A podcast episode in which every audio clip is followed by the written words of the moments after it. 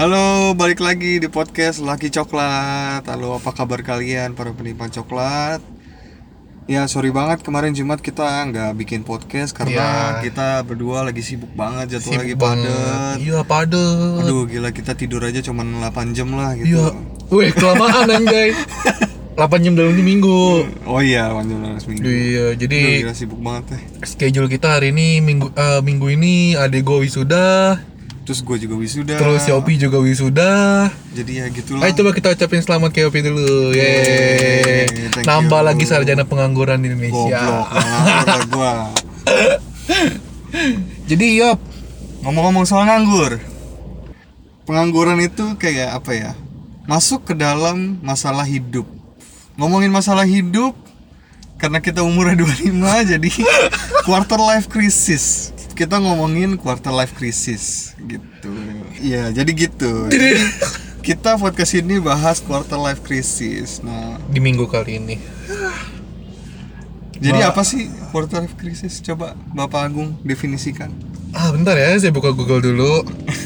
Menurut IDN Time, quarter life crisis adalah masa di mana seseorang yang berusia 25 tahunan mempertanyakan hidupnya.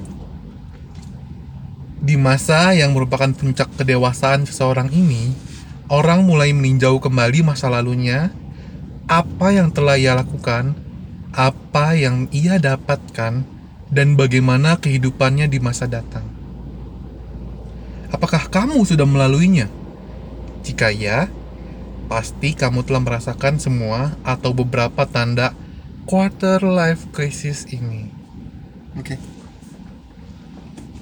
Nah, jadi kita bahas apa yang bakal terjadi setelah kita umur 25. Iya. Ya, karena terlalu banyak, mungkin kita bahas yang Yang standar-standar. yang standar-standar aja lah ya. Yop, Nah, setelah wisuda, rencana lu kayak gimana? Apa kamu ngambil lanjut S2? Berarti dari segi pendidikan ya. Hmm. Kalau soal pendidikan ya, kalau gua sih pribadi sebenarnya ada niat buat lanjutin jenjang studi gua ke Hmm. S2 gua ngambil komputer lagi maksudnya komputer science Mm-mm. ada sih niat cuman kayak kebentur masalah-masalah lain gitu kayak eh, finansial terus waktunya juga dan itu connect juga ke karir kan. Mm-mm. jadi kayak lu harus put effort lebih kalau lu pengen lanjutin studi lu. Oke. ya kan? Karena Mm. eh, S2 itu nggak murah sih menurut gue. Nggak murah jadi cukup menghajar saldo saya pak. Kemarin aja S1 udah babak belur pak. Tapi keluarga lo ada ada ini gak sih kayak nekenin lo kayak Mas lanjut dong S2 enggak gitu, sih. gitu. Ny- nyokap gue tuh simpel. Dia cuman pengen lihat gue wisuda. Gue wisuda udah beres. Kan waktu TK wisuda juga? Hah? Iya beda dong bro. Kan nggak ada sarjana TK nggak ada. Gitu. Nah Kalau Studi lu gimana? Studi gua? Hmm. Iya studi gua masih ngambang bos Belum apa ya Gua ngambil cuti kemarin karena terbentur di Jam kerja gua sama jam kuliah gua itu bentrok. Hmm, jadi nggak? Jadi gua ngambil cuti kemarin. Iya. Tapi bablas ya cutinya kelamaan gitu. Empat semester gue cuti. Lama-lama kayak indah juga gitu ke kuliah. Tahu masih Padahal udah kagak? Padahal udah semester akhir kan lu? Semester 5 Iya kan tinggal dua semester lagi Setahun lagi padahal. Iya. Eh semester Iya dong. 5 iya benar. Setahun lagi dong. Iya. Tinggal KKN Kalau ada KKP. Iya itulah pokoknya. KKP Habis itu bikin Kok gue kan pengen ngambil D3 doang sih. Heeh. D3 Sampai berarti D3. Kayak Apa namanya ya kalau D3 Bukan skripsi sih lebih bukan tepatnya. bukan bukan bukan. Eh PI penelitian ilmiah kalau gua dulu. Hmm ya itulah. Kalau gua ngambil eh, Kebetulan Yopi juga nggak langsung S1 ya D3 dulu ya. gua D3 dulu D3 gua gua juga D3 dulu. Nah jadi buat ke depannya nih permasalahan studi lu apa nih? Gue sih pengen banget sih lanjutin lagi. Pengen banget banget. Keluarga gue juga depan nanyain kapan gue wisuda. Apalagi adik gue barusan wisuda ya. Itu bebannya berat banget sih buat gue Jadi ada beban wisuda. tambahan ya? iyalah. Beban internal anjay. iya mentalitas gue itu sangat-sangat berat banget. Tapi ya kendalanya banyak. Dari jam kerja dari finansial kayak yang tadi lu bilang Korea itu nggak murah Iya, pendidikan tuh nggak murah iya, apalagi buat orang yang IQ-nya di bawah rata-rata kayak kita tidak bisa masuk negeri. IQ di bawah rata-rata dan dompet di bawah rata-rata iya, udah selesai. itu sangat-sangat membebani ya Iya. Kalian ada juga gak sih yang kayak ngerasa gitu kayak studi di Indonesia tuh kayak apa ya? Dibilang mahal, iya, ya mungkin mahal relatif lah ya. Cuman kayak Hmm. kayak menyita banget kayaknya tuh pendidikan di Indonesia tuh kayak bukan eh, antara pengajar sama murid lagi, tapi kayak lebih ke bisnis, bener gak sih kayak jadi tuh kita tuh ladang bisnis buat mereka ya karena sih? gini kalau menurut gue pribadi pemerintah ini kan cuma menetapkan wajib belajar 12 tahun Iya. SD SMP, SMA. Hmm. sedangkan kalau di luar itu S1 Masa? iya Di mana? jadi luar pokoknya jadi kalau lu keluar itu banyak banget ditemukan yang namanya beasiswa beasiswa Tapi di sini juga ada Pendidikan. beasiswa. Ya, Gua di, ada. gua di tiga juga beasiswa. ya ada ada tapi nggak sebanyak di luar dan persyaratan itu harus nomor satu tuh harus pinter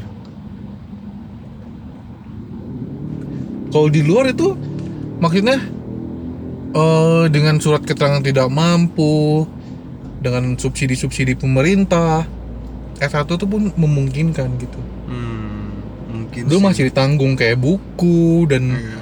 uang makan dan lain-lain tapi kalau di Indonesia enggak Hmm. Mungkin kalian kalau ada yang tahu, mungkin sekarang ada program pemerintah yang yang bisa menjangka mengcover eh, pendidikan sampai sarjana bisa kasih tahu kita ya di komen kalau kita misalkan kita kurang Hmm, update atau tapi mungkin gimana. juga ada ini yo Hmm. universitas terbuka Oh iya, universitas terbuka setahu gua ada murah sih. juga sih Iya, ada di TB Simatupang kalau nggak salah. iya ada itu murah juga sih maksudnya ya murah-murah juga sih itu itu program pemerintah bukan sih iya kan Kayaknya, kayaknya. pemerintah juga disupport juga sih cuman eh di kita tuh yang namanya eh sarjana nggak cuma dinilai dari title tapi lulusan mana loh Nah, itu dia. selain jadi di kita tuh apa ya mak kita pembedaan-pembedaan ini yang bikin kita nambah beban lagi kita Karena- mau kuliah Hmm. kita harus pilih Universitas yang Salah yang satu kredibel. salah satu alasan gue kenapa gue ngambil D3 di tempat lain dan S1 di tempat lain terpisah ya karena itu Hmm. kalau gue Kalau gua sih eh gua dulu ngambil D3 dulu karena gua kan lulusan IPS ya. Gua pengen masuk ke fakultas komputer tuh harus dari IPA. Kecuali gua harus ke D3 dulu. Hmm. Makanya satu-satunya jalan biar gue bisa dapat Eskom itu gua harus ke D3 dulu. hmm, Jadi ya lumayan ya nambah setahun lah ibaratnya. Jadi gue bisa Eskom. Gitu alasannya. Nah, tapi kayak bener sih yang tadi lu bilang apa lu lu lulusan mana itu itu bakal bakal nyambung ke karir lu. iya sangat sangat deh lu lulusan mana pun maksudnya biarpun IPK lu kecil maksudnya eh, pas ngepas nih ngepas Hmm, hmm, dibanding dengan uni- universitas yang biasa-biasa aja tapi IPK lu misalkan cum laude hmm, hmm. itu mungkin mereka bakal milih yang lulusan universitas yang terkenal. terkenal itu Hmm, iya, make sense sih. Dan emang realitanya juga seperti Realitanya itu. banyak terjadi Sebe- seperti realitanya itu. seperti itu. Jadi buat kalian nih yang IPK-nya misalkan di, bar- di bawah rata-rata, Mm. rata-rata teman kalian, kalian jangan eh, rendah diri dulu. Karena realitanya di dunia kerja IPK itu cuma sampai di ruang interview. iya Kalau lu bisa menjual diri lu, maksudnya dalam arti eh, menunjukkan value lu ke perusahaan apa yang bisa lu berikan ke perusahaan lu nggak perlu takut lu nggak bakal kepake di dunia kerja kalau misalkan IPK lu cuman ya 2, sekian tapi lu punya skill yang lebih daripada yang IPK-nya eh, lebih dari tiga pasti perusahaan-perusahaan tuh milih lu gitu lu nggak perlu khawatir. Dan itu udah terjadi sama gue dan gue alamin sendiri. Gitu. Hmm, memang iya. Realitanya seperti itu. Nah jadi tiba-tiba lost gitu. Ya jadi eh, intinya sih IPK itu memang cuman sekedar angka. Iya. ijazah ya cuman sekedar lembar kertas. Hmm. tapi di Indonesia kertas dan angka tersebut bisa menentukan masa depan lo. Benar. Ya nggak di Indonesia juga sih. Di tempat-tempat lain juga sama. Cuman ya gitulah. Kenapa sih di sini tuh masih masih harus eh, nerapin requirementnya tuh yang kayak eh, lu harus S1 dengan Nah. IPK sekian. Kenapa gue gitu? tuh paling demen kalau perusahaan eh, mungkin ya mungkin ya dia menetapkan persyaratan minimal. Mhm. tapi eh, untuk masuk itu harus dites dulu. Oh. Gue demen sih perusahaan yang kayak gitu. Jadi yang masuk di situ itu yang bener-bener nggak cuman maksudnya angka doang lu bisa dapet ya da- maksudnya ini belak belakan aja. Lu masuk kuliah kampus dapat nilai bagus itu belum tentu eh, hasil usaha lu sendiri banyak yang kayak gitu. Hmm, hmm, banyak banget. Hmm. kasarnya sih eh, joki-joki skripsi atau apa itu banyak banget bertebaran men. Hmm, hmm, ujian juga lu bisa nyontek. Hmm. kasarnya. Eh banyak. Jadi IPK kecil itu belum berarti kalian bodoh atau nggak pintar atau nggak bisa kerja. Iya. Banyak juga yang IPK-nya tinggi lulusan terbaik tapi nggak bisa bersaing di dunia kerja. Betul. Karena kadang ya, yang gue temuin tuh kadang yang misalkan dia di akademisnya bagus, cuman di soft skillnya kadang dia kurang gitu kayak Mm-mm. dia tuh nggak bisa nggak bisa teamwork, nggak bisa Mm-mm. terlalu Ah, iya. terlalu idealis, Mm-mm. yang kayak gitu-gitu kan kayak menghambat bu- secara nggak langsung menghambat kerja perusahaan sih. Jadi gitu, nggak secara langsung tuh kayak menghambat bukan perusahaan sih kayak skalanya lebih kecil kayak di tim lu. Kan lu misalkan megang project terus ada eh, lima orang misalkan tapi ada satu orang tuh yang nggak bisa teamwork. Kan itu jadi nggak enak gitu loh. Jadi iya. iya kan? Nah di realitanya di dunia kerja itu soft skill itu sangat diperlukan sih. Jadi nggak cuma sekedar IPK lu akademis lu gini gini gini gitu gitu gitu loh tapi emang balik lagi sih ka- kalau menurut gue sih tapi tetap sih pendidikan eh, sarjana itu atau enggak perkuliahan itu atau nggak perlu sarjana tapi diploma juga menurut gue penting sih. Penting. Penting. Karena eh, sistem pendidikan di Indonesia sendiri itu dari SD SMP SMA itu kita selalu dijejelin akademis. Iya. Bener gak sih? Mm-mm. nah ketika di di Kuliah. perkuliahan baru kita dijejelin sama peminatan. Iya. Bener gak sih? Iya. Menurut gue itu udah nggak relevan lagi sama dunia kerja yang sekarang yang udah ke digital. Bener gak sih? Karena eh, dari kecil tuh harus kita udah tahu minat kita seperti apa minat kita ke mana. Bener gak sih? Tapi main kalau lu di sekolah negeri Hah? itu memang kayak gitu. Tapi kalau misalkan lu kayak di sekolah yang internasional school Hmm? itu memang dari kecil udah dipilih peminatan. Oh gitu? Iya Di dari dari internasional? playgroup pun ya dari playgroup SD SMP SMA itu memang udah peminatan Hmm.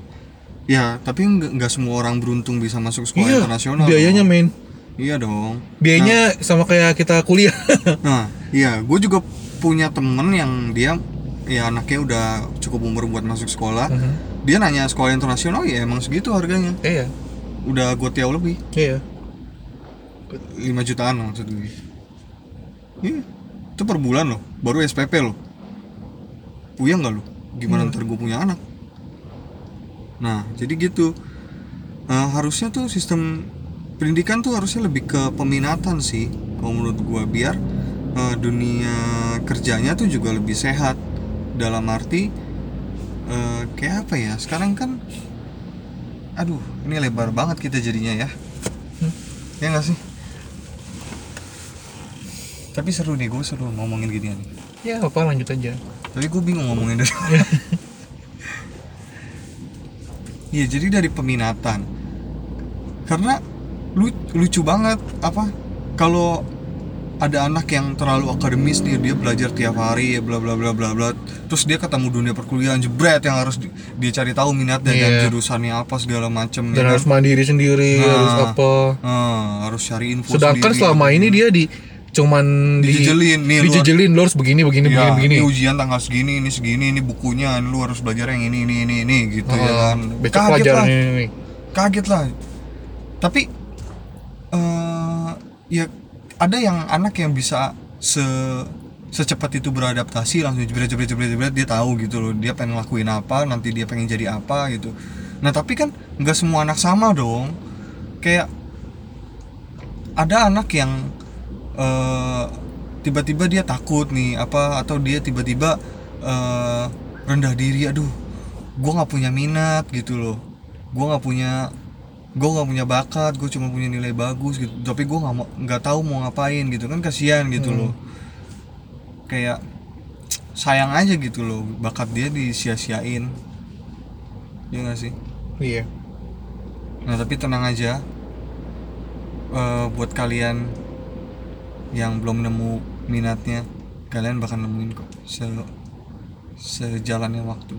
Karena kita juga ngalamin itu. Iya. Gua sendiri pun nemuin minat gue tuh Udah ketemu nih jadinya? Belum. Makanya gue bilang kalian tenang aja karena gue sendiri pun belum menemukan Minat. Gue tuh mau jadi apa sih? Gue tuh kayak gue pernah ba- bahas yang di passion. Hmm. passion gue tuh apa sih minat gue tuh apa sih? Gue tuh mau jadi apa sih? Itu yang sekarang ada di pikiran gue ini sekarang gue udah usia setengah abad per- seperempat abad. 26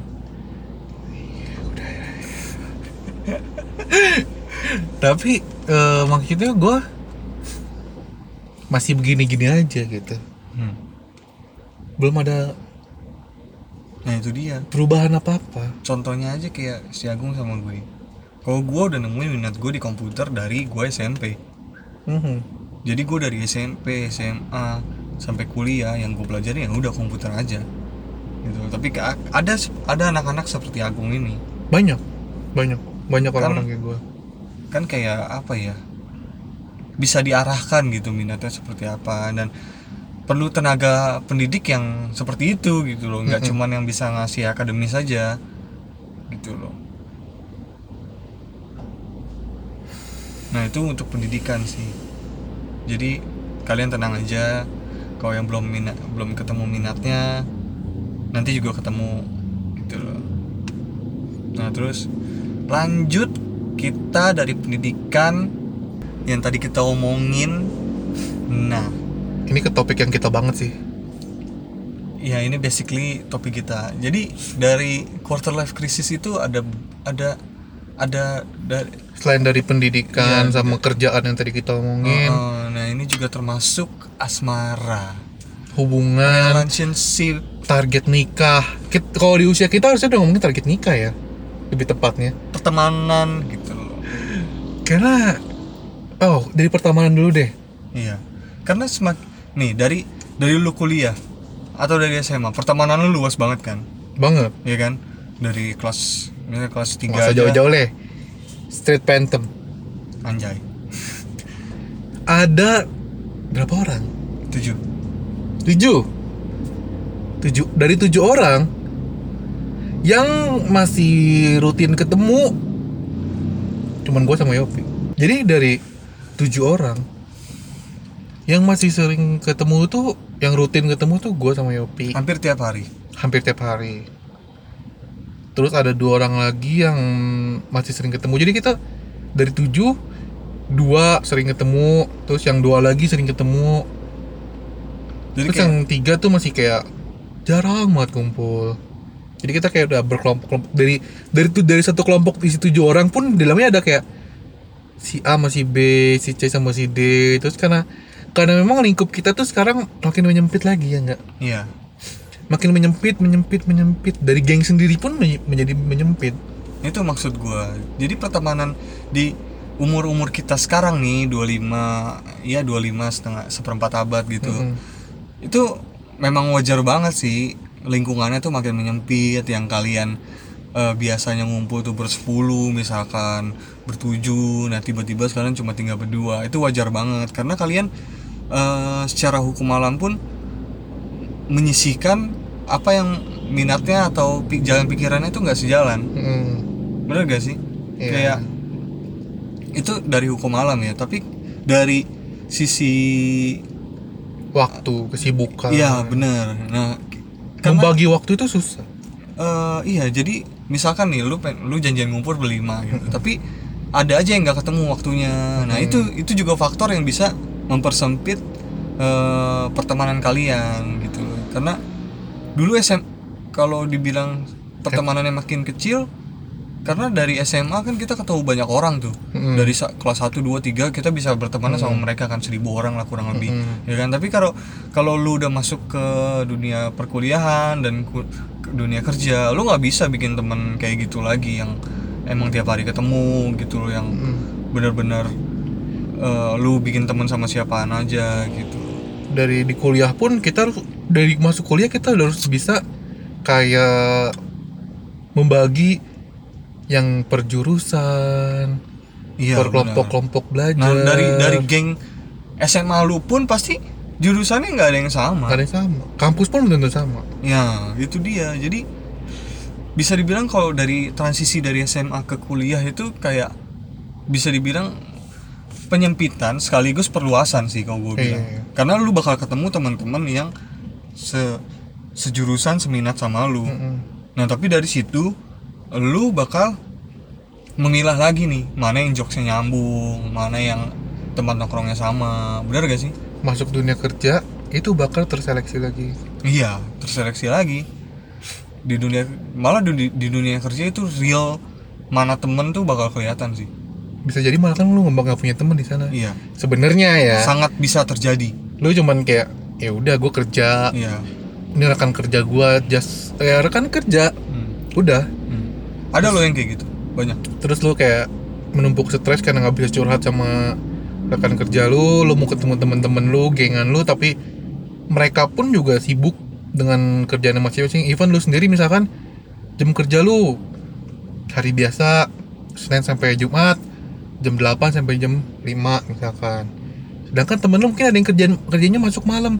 Jam 5 dia baru masuk kerja jam 5 sore sampai pulang pagi. Hmm. ada juga yang ternyata harus mengharuskan dia keluar kota Hmm. berapa hari. Itu kan bikin lu nggak bisa ketemu nggak bisa ketemu. Lama-lama lu sendiri paling cuman konten-kontekannya via Grup sosial WhatsApp. media iya Instagram WhatsApp ya gitu-gitu aja Viewer story. Anjay. anjay ya mulai mulai mulai kayak gitulah mulai Iya. jadi kayak menyapa via WhatsApp aja online online Iya. aja Tapi itu wajar banget sih memang memang dunia kita tuh seperti itu sekarang. Nggak kayak dulu tahun 90-an. tapi jangan sampai kalian putus juga Iya. pertemanan itu nggak apa-apa Dan dan yang penting kalian jangan sampai sendiri sih. Takutnya kalian sharing beban tuh penting banget Iya, depresi atau segala macam itu nggak baik sih. Jadi kalian tetap harus punya teman. Hmm. Ya di grup WhatsApp itu oke lah. kita juga sering ya menyebar kerecehan di grup WhatsApp Bahkan di story gue kalau kalian lihat story gue, aduh itu hancur banget, sampah banget story gue. Terus lanjut Ngomongin soal target nikah, di umur kita sekarang nih dari pacaran tuh pasti langsung tanya mana calonnya. Even gue pun sendiri belum punya pacar pun. Kalau ketemu kumpul keluarga pasti tanya mana calonnya, bukan tanya mana pacarnya lagi. Mana calonnya? Ntar Kapan belum nikah? nih jebakan nih. Siapa yang mau jebak kan gitu? Siapa nih kalau gue jebak nih siapa? Tapi itu berlaku gak sih? Nih jadi jadi gue pernah dengar kata orang jodoh itu bukan dicari atau ditemukan, jodoh itu dijebak. Nggak berlaku lah. Nggak relevan ya. Ya Nggak relevan. Udah. Itu cuma jokes aja sih. Ya udah. Mampus. Jadi target nikah lu umur berapa sih ya? Gua- Ditargetin nggak? nggak gue nggak pernah nargetin karena gue orangnya nggak mau kecewa gue nggak pernah naruh ekspektasi apa apa terus kenapa lu sekarang belum nikah ya karena belum belum ada duitnya sesimpel itu Iya, biaya nikah nggak murah coy. Apalagi lu sebagai pria dan anak pertama itu tidak murah. terus Ya setelah itu ya karena ada beberapa faktor lain yang eh gua sendiri belum siap sih maksudnya. Lu pernah mikir gak sih setelah setelah lu nikah tanggung jawab lu bertambah banyak? ya jelas lah Nah, itu dia. Udah gitu lu bener-bener harus dituntut sebagai kepala keluarga yang harus mengayomi istri lu dan anak-anak lu. eh tapi emang nikah itu harus apa Hah? nikah itu emang harus ya Eh, jadi gini, eh ada kalau di agama gue Mhm. nikah itu harus. iya sih di agamaku juga Iya, tapi eh secara secara agama doang. Jadi kayak pemberkatan pemberkatan atau eh ijab kabul, ya kan? Udah itu Hmm. sah secara agama. Tapi di Indonesia ini harus dilegalkan juga pernikahan. Enggak maksudnya bukan bukan masalah itu Nah, terus lu mau tanya apa sih? nggak usah nikah Ya nggak bisa gitu lah. ya nggak usah nikah gitu kayak kayak sekarang aja sendiri aja emang kenapa gitu Iya, sebenarnya nggak masalah sih. Tidak ada tidak ada paksaan juga. nggak ada bukan hmm, apa ya bukan paksaan sih lebih tepatnya tapi lebih ke lu belum nikah nih pasti bakal terus ditanya Weh, kenapa lu nggak nikah? Nikah di nomor berapa? Mana itunya? Selain sama keluarga pun sama di pergaulan pasti bakal ditanyain. Nah, itu dia. Itu yang gue tanya. Emang nikah tuh wajib? Sampai harus ditanya. Setiap ketemu Sebenarnya orang kita bukan- harus ditanya. Bukannya wajib atau enggaknya, tapi pertanyaannya itu sendiri. Menurut gua pertanyaan eh, kok lu belum nikah nikah sih apa lu kapan nikah gitu. Itu udah masuk ke ranah personal banget dong menurut gua. Ranah yang eh, sebenarnya kalau lu nggak kasih izin buat masuk ke sana, mereka nggak boleh nanya seperti itu. Nah, masalahnya nih, itu kan lu bilang tuh pribadi banget. Hmm, benar. Tandanya, persoalan ini bukan masalah pribadi coy. Ini udah harus kewajiban atau sesuatu yang umum dan harus banget dilakukan. Gitu. Makanya mereka tuh bertanya, kok lu belum nikah? Hmm. Ya itu. itu sesuatu yang yang yang makanya gue tanya di sini tuh memang harus banget nih nikah harus secara secara itu ya harus. apa kita di sini nggak ngomongin agama coy Iya, gua tahu. Iya. Karena ya di sini kan bukan budayanya misalnya di Korea ya, gua ambil Hmm. contoh di Korea. Di sana tuh budaya nikah tuh ya kayak apa ya? Kayak nggak wajib sih. Ada kok yang artis 40 belum nikah, 45 belum nikah. iya itu kan? maksud gue ya sesimpel itu aja ya udah kalau memang lu nggak mau nikah Ya Even lu nggak mau nikah ya udah gitu ya emang kenapa lu mau memutuskan buat sendiri emang kenapa Ya gak masalah. kan gitu Emang orang-orang sini aja pada Nah. kepo anjing. Kalau lu kan sama gue pemikiran sama ya lu ya terserah lah lu nggak nyaman sama orang ya udah lu nggak mau belum mau nikah Hmm. atau nggak mau nikah ya udah terserah gitu kan. Itu kan ya memang keputusan lu gitu. Iya. nggak harus lu ngepush orang itu buat woi cari pacar lah woi nikah lah woi cari calon lah woi deketin ceweknya lah itulah apalah. Ya gimana ya? Menurut gua Sini. itu nggak perlu disuruh seandainya kita Hati lu tergerakkan. iya kita pasti bakal bergerak sendiri itu kan udah insting alami manusia men Iya. bukan manusia makhluk hidup Iya. Bereproduksi. Iya. Seandainya memang kita belum nemu yang cocok atau apa ya pasti kita nggak bakal bergerak. Masa kita harus paksa? Gue harus nikah, gue harus nikah, gue harus suka sama orang, gue harus suka sama siapa nih bisa gue sukain, siapa yang gue sukain. Ya kan nggak gitu juga. Iya, betul. Seliar itu kan mungkin aja memang jodoh kita belum datang. Kan kita nggak ada yang tahu. Iya, betul. sekali. Bisa jadi banyak juga kok kakek nenek yang baru nikah di usia tua misalkan Iya. atau gimana gitu kan nggak harus kayak, woi lu kenapa belum nikah, woi kenapa lu belum nikah. Tapi kalau di itu ada, juga yang bilang jodoh di tangan Tuhan. Dia kan tahu jodoh di tangan Tuhan. Ya udah tunggu aja maksudnya. Ya itu orang juga pasti nggak mungkin tinggal diem aja gitu pasti dia juga kalau misalkan itu juga ada pasti bergerak dan yang lebih penting ya sambil lu nunggu menurut gue yang lebih penting sambil memperbaiki kualitas diri lu sendiri. Iyalah. Itu yang lebih penting sih. Kan maksudnya orang sendiri itu kan pasti ada alasannya dong. Iya. Entah dia nggak pengen atau Belum dia belum siap cocok. atau belum nemuin cocok atau dia mungkin berusaha memperbaiki diri dia dulu Iya. dari segi pribadi atau finansial atau apa. Kan banyak alasan yang yang lu pada nggak tahu gitu. Dia punya syarat-syarat khusus tersendiri gitu. Iya. Karena ya lu nikah sekali seumur hidup men. Maksud gua ya emang bisa sih berkali-kali, cuman kan nggak nggak ini aja gitu. sekarang gini deh Ya lu Logikanya bangun, gini. Enggak, lu lu bangun tiap hari dengan orang yang sama, itu kan lu harus nemu yang ya banget dong. justru justru gini ya ya Hmm. lu nikah sekali seumur hidup Hmm. nikah itu nggak murah Hmm. dan lu bisa gue kadang nggak habis pikir kayak lu bisa segampang itu kayak memutuskan gue nikah sama dia Hmm. even kadang ada yang baru kenal sebulan dua bulan men Hmm. tiga bulan langsung gue sama dia ujung-ujungnya apa ini banyak banget sih kasus beberapa tahun kemudian cerai Ya kalau sampai cerai ada juga, tapi ya yang yang nggak sampai cerai juga banyak. Masih kayak apa sih kayak bisa egoisnya ada yang ada yang turun atau ada yang mau ngalah banyak juga sih.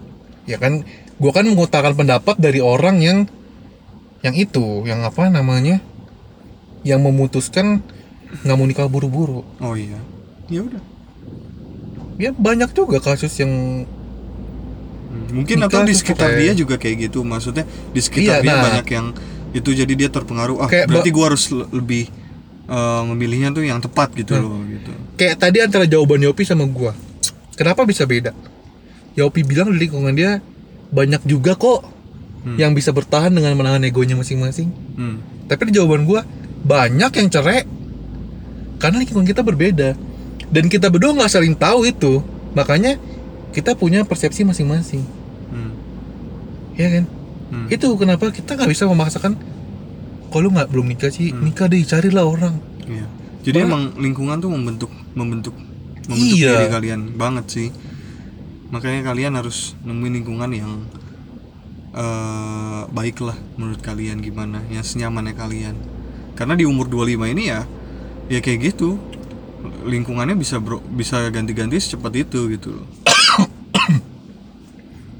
ya lingkungan positif membawa kalian ke arah yang positif Iya. Nah, tapi positif dan negatif tetap relatif sih. Balik lagi ke ke orangnya itu, misalkan dia nyamannya di di dunia kartel gimana lu? Kan lu nggak bisa ngelarang. Gue Juga nyaman nih megang senjata. duitnya kenceng lagi juga Iya. coy iya kan ini Ya. yang tahu Iyalah. Atau gua gua nyaman nih di jadi paugah ya kan? Gak ada yang tahu kan? gue nyaman nih jadi preman Iya.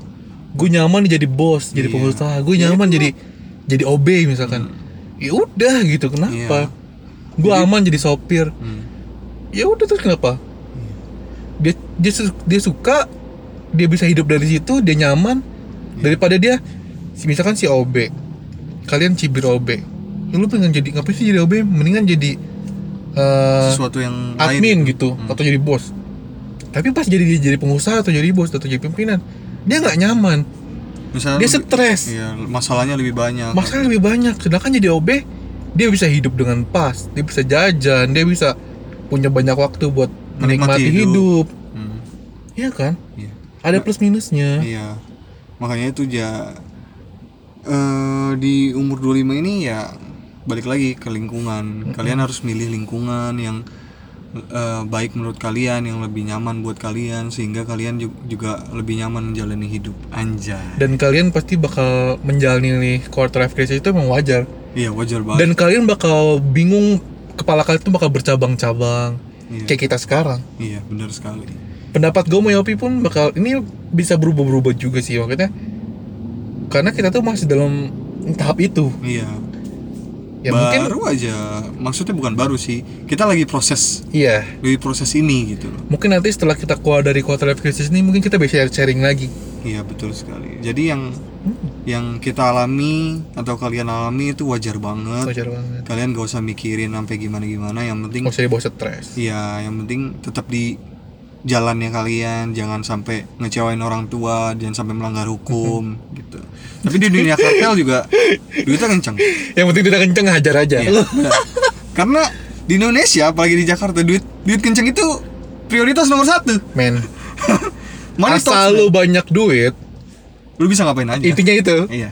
Nanti udah buat kalian yang pusing-pusing seandainya gini kalian pusing gue mau jadi apa bla bla bla bla bla terus tiba-tiba kalian menemukan sesuatu yang bisa kalian jadikan duit dan kalian banyak duit dari situ lakuin. lu nggak bakal pusing lagi Iya, benar. lu nggak bakal lu nggak bakal bakal bikin gua kapan kawin nggak ada yang mau sama gua kah atau gue kerja apa kan Nggak ada pikiran kayak gitu. nggak bakal ada Iya.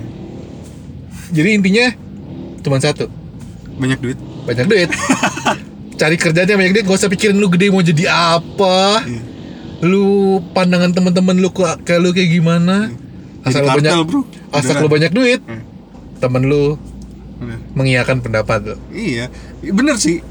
Kalau lu banyak duit, semua orang mengiyakan pendapat lu. Kayak ada pepat, bukan pepatah sih, kayak gue pernah baca di internet gitu. Kalau lu lu sukses, kentut lu pun jadi kata mutiara, iya iya kan? iya Iya.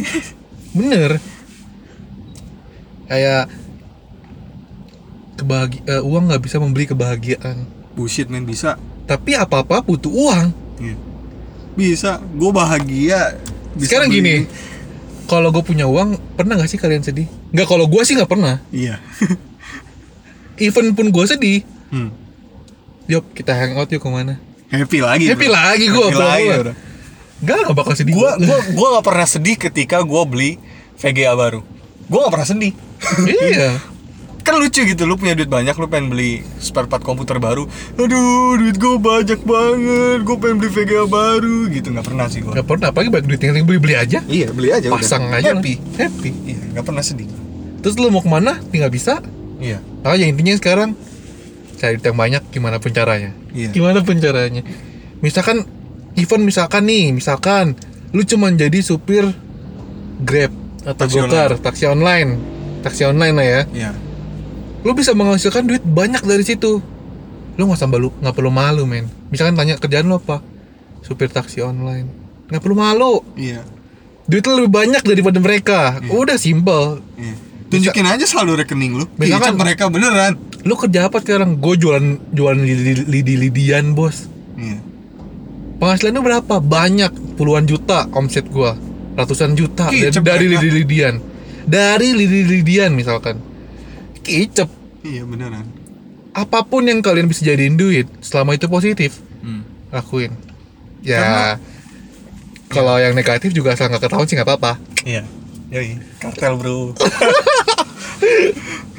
Iya, jadi oh, uniknya di usia-usia kita nih milenial milenial yang lahir di 90-an atau 80-an akhir dah, atau ya 90-an lah ya kebanyakan. Jadi lucu banget karena kita tuh ada di dua dunia. Yang dunia sebelum ada internet dan sesudah ada internet. Tapi ya Tapi nggak cuma Jadi kita, kita, doang ketemu sih ke- ketemu generasi atas kita yang kolot banget. Ada beberapa yang kolot banget dan generasi bawah kita yang gaul banget. Jadi kita tuh harus nyesuaiin tuh gak sih? Tapi Di situ percaya nggak? Percaya nggak? Nanti 30 tahun lagi Anak muda bakal berpikir kayak lu sekarang Kayak kayak gue gimana? Ya misalkan Contohnya nih misalkan sekarang Hmm. Kita ke mana-mana naik mobil roda 4 Hah? Tapi nanti ke mana-mana kita punya Misalkan mobil yang bisa terbang Kayak di film-film Ya siapa yang tahu Mungkin bisa aja Iya gak ada yang tahu sih. Kan gitu contohnya Hmm. Atau mungkin kita bisa pakai Masuk pakai HP, HP Android yang cuma gini-gini aja Hmm. Sementara mereka udah kayak punya Jarvis Iya maksud gue Iya kan? Siapa yang tahu loh? Eh, di usia 25 kita sekarang nih kenapa ada quarter life crisis ini? Karena kita harus ngadapin pertanyaan-pertanyaan kolot yang kayak Iya, kayak tadi kita udah sebutin. iya. Dan itu nggak nyaman banget buat kita yang udah ngerasain internet yang dunia yang sebebas itu. Iya. Jadi di situ sih masalah utamanya. Kita harus ngadepin dua dunia. Selama lu seneng, gak usah, gak usah pusing mikirin yang lain. Iya. Apalagi omongan-omongan orang. Jadi kesimpulannya quarter life crisis. Kok jadi lu yang ngomong gitu?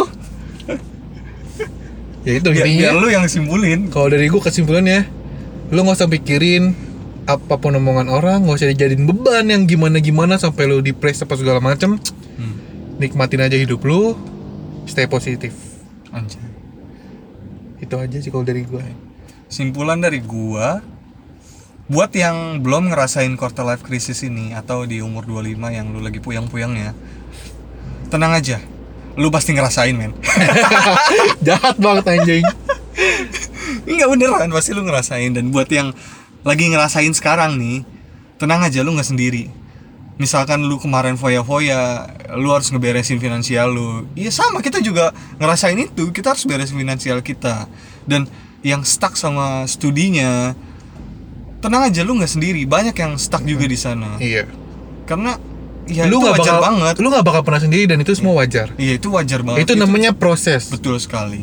Dan ad- semua individu tuh punya timelinenya sendiri di mana temen lu ada yang dua-dua udah nikah atau dua lima udah punya perusahaan sendiri. ya, itu, jodohnya dia itu rezekinya iya, dia Itu udah timelinenya dia. Itu Timeline bukan lu tuh dia. lu ada ada lagi sendiri. Gitu loh. Jadi intinya lu nggak sendiri. Lu nggak perlu depresi atau apa segala macam. Lu tetap bisa nikmatin hidup lu. Tap- sambil pelan-pelan lu beresin sisa-sisa masa muda lu itu. Iya. Itu kesimpulannya oke. Nah, setelah ini kita masuk ke segmen baru. Kita bakal punya segmen apa itu? Jadi sekarang setiap eh, episode di akhir episode setelah kesimpulan kita bakal ngasih kalian satu cerita creepypasta atau riddle-riddle gitu. Hmm. Ya, untuk untuk jawaban atau penjelasannya mungkin di episode depan. gitu Mm-mm. boleh Ya. Boleh. Jadi kalau misalkan kalian ada yang kira-kira udah tahu jawabannya atau apa ya kalian sebutin aja di Instagram juga atau di YouTube atau di mana komen ya nggak apa-apa sih. ya udah Nanti eh, minggu depannya kita bakal kasih tahu jawabannya. Riddle pertama untuk episode kali ini. Apa bolanya bacain dulu lah yang bacain Ah, riddle ini gua ambil dari Kaskus yang berjudul Permintaan. Suatu hari, Hari sedang merasa putus asa karena ia belum juga lulus kuliah. Tiba-tiba ia melihat seorang jin muncul. Dan jin itu mengatakan, "Aku bisa mengabulkan apa pun yang kamu minta." Hari pun meminta agar dirinya lulus kuliah. Namun, setelah lulus kuliah, Hari kebingungan karena ia belum mendapat pekerjaan. Tiba-tiba terdengar suara jin itu lagi. Aku bisa mengabulkan mengabulkan apa pun yang kamu minta. Hari pun mengatakan ia ingin mendapatkan pekerjaan. Setelah beberapa lama, dan ia diposisikan di jabatan tertinggi di perusahaan, kini muncul masalah lagi. Hari belum kunjung menemukan pasangan hidup. Padahal usianya sudah cukup umur. Jin itu kembali datang dan mengatakan, Aku bisa mengabulkan apa pun yang kamu minta. Namun, Hari tidak menjawab apa-apa.